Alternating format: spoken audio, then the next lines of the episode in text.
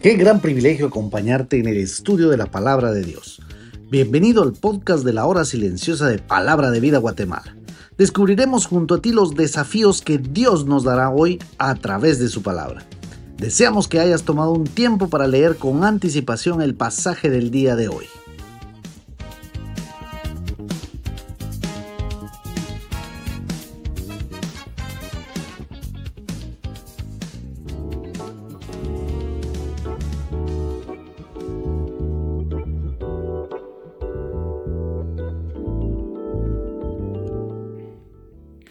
Muy buenos días, qué privilegio nuevamente encontrarme y estudiar juntos con ustedes la palabra de Dios. Nuestro pasaje para la hora silenciosa de hoy lo encontramos en Lucas capítulo 3 versículos 1 al 14. Y el pasaje dice de la siguiente manera.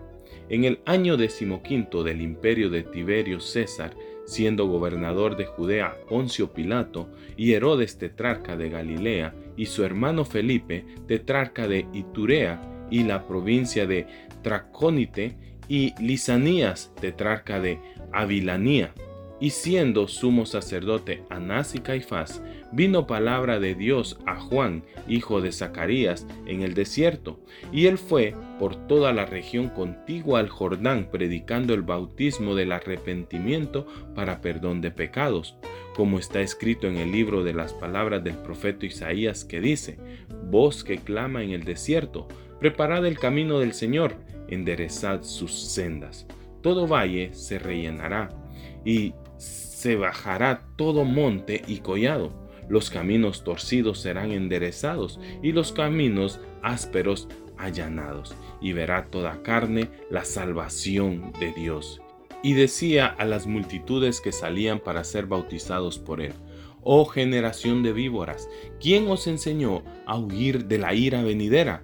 Haced pues frutos dignos de arrepentimiento, y no comencéis a decir dentro de vosotros mismos, tenemos a Abraham por padre, porque os digo que Dios puede levantar hijos a Abraham aún de estas piedras. Y ya también el hacha está puesta a la raíz del árbol. Por tanto, todo árbol que no da buen fruto se cortará y se echará al fuego. Y la gente le preguntaba diciendo, entonces, ¿qué haremos? Y respondiendo les dijo, el que tiene dos túnicas, dé al que no tiene, y el que tiene que comer, haga lo mismo. Vinieron también unos publicanos para ser bautizados y le dijeron, Maestro, ¿qué haremos? Y él les dijo, no exijáis más de lo que os está ordenado. También le preguntaron unos soldados diciendo, ¿y nosotros qué haremos? Y les dijo, no hagáis extorsión a nadie, ni calumniéis y contentaos con vuestro salario. El tiempo se describe en referencia a los líderes políticos y religiosos contemporáneos. La cronología bíblica puede ser un asunto complicado. De archivos históricos seculares sabemos con certeza el tiempo general, pero es difícil saber exactamente cuándo fue. Los cálculos lo establecen desde el año 27 al año 29 después de Cristo. Tiberio César, Poncio Pilato, Herodes, Felipe, Lisanías. Lucas menciona a los líderes políticos de la región en la que Jesús vivió y sirvió. Lucas dio un marco histórico real. Tiberio fue un emperador conocido por su crueldad y severidad. Poncio Pilato también fue famoso por sus brutales masacres de judíos en Judea y su incesabilidad hacia los judíos.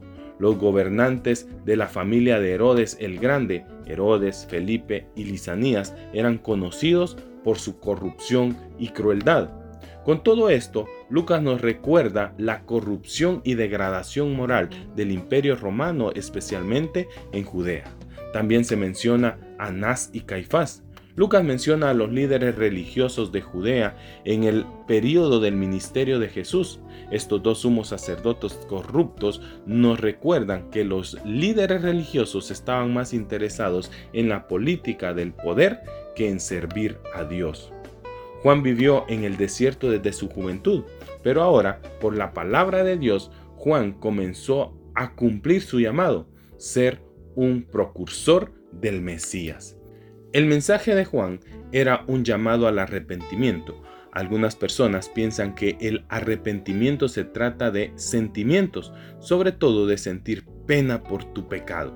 Pero arrepentimiento no es un sentimiento, es una palabra de acción. Juan le dijo a sus oyentes que hicieran un cambio de mente, no solo sentir pena por lo que habían hecho. El arrepentimiento habla de un cambio de dirección, no un dolor en el corazón. No había nada extraño en la ceremonia del bautismo. Lo extraño fue que los judíos se sometieron al bautismo. Esto fue un rito común para los gentiles que querían llegar a ser judíos, pero un judío someterse al bautismo era decir algo como soy tan malo como un gentil pagano. Esta fue una verdadera señal de un arrepentimiento humilde, un nuevo dedicación radical al Señor. Nuestro bautismo en Romanos 6 del 3 y 4 muestra que nuestra inmersión en el agua nos identifica con la muerte y resurrección de Jesús. Este bautismo del arrepentimiento que Juan presentó identificó a una persona con su necesidad de estar bien con Dios y ser purificada. Los versículos 4 al 6, Lucas conecta a Juan que fue profetizado por Isaías en el capítulo 40, versículo 3 al 5. Juan mismo se dio cuenta de esto desde sus primeros días, porque su padre lo sabía desde antes que naciera. El mensaje de Juan era que las cosas se pueden arreglar. El Mesías está aquí para hacer las cosas que son demasiado grandes para el hombre. Los judíos en ese momento pensaban que el problema era principalmente ellos, es decir, los romanos que los oprimían políticamente. Juan les hizo ver que cuando llegaban a ese punto, el problema era realmente conmigo, no ellos. Lo yo tengo que estar bien con Dios. Los versículos 7 al 9 vemos el mensaje de Juan a las multitudes y dirigirse a su público como una generación de víboras no es una forma habitual de iniciar un sermón, pero a Juan no le interesaba predicar un mensaje suave o simplemente entretener a su público. Juan no era razonable en la demanda de buenos frutos. El verdadero arrepentimiento siempre tendrá fruto y el fruto fundamental de la vida cristiana es el amor. Lo vemos en Gálatas 5:20 y en 1 Corintios 13 del 1 al 3. Los versículos 10 al 14 vemos el mensaje de Juan a individuos específicos. Las instrucciones de Juan eran bastante ordinarias. Exigió que la gente comparta, que sean justos con los demás y que no sean malos ni crueles, que sean felices con lo que reciben. La integridad en las cosas ordinarias sigue siendo un signo del verdadero arrepentimiento. A veces pensamos que Dios nos obliga a hacer cosas grandes o imposibles para demostrar nuestro arrepentimiento. A menudo, en cambio, busca integridad en las cosas ordinarias. Juan no consideraba la recaudación de impuestos o ser soldado como algo malo. No ordenaba a estos abandonar sus profesiones, sino a comportarse honestamente con ellas. Por eso, vívelo. Dios quiere utilizarte para que tú también anuncies el camino de la verdad aun cuando a las personas les parezca un mensaje fuerte que les ofende porque se ven confrontados con su pecado.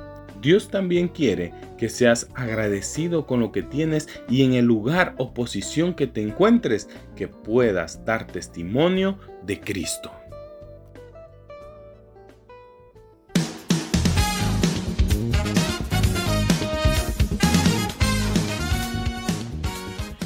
Es emocionante saber los tesoros que Dios tiene en su palabra para nosotros. Ayuda a tus amigos a que descubran la voluntad de Dios para su vida. Comparte este podcast con ellos. No olvides seguirnos en nuestras redes sociales.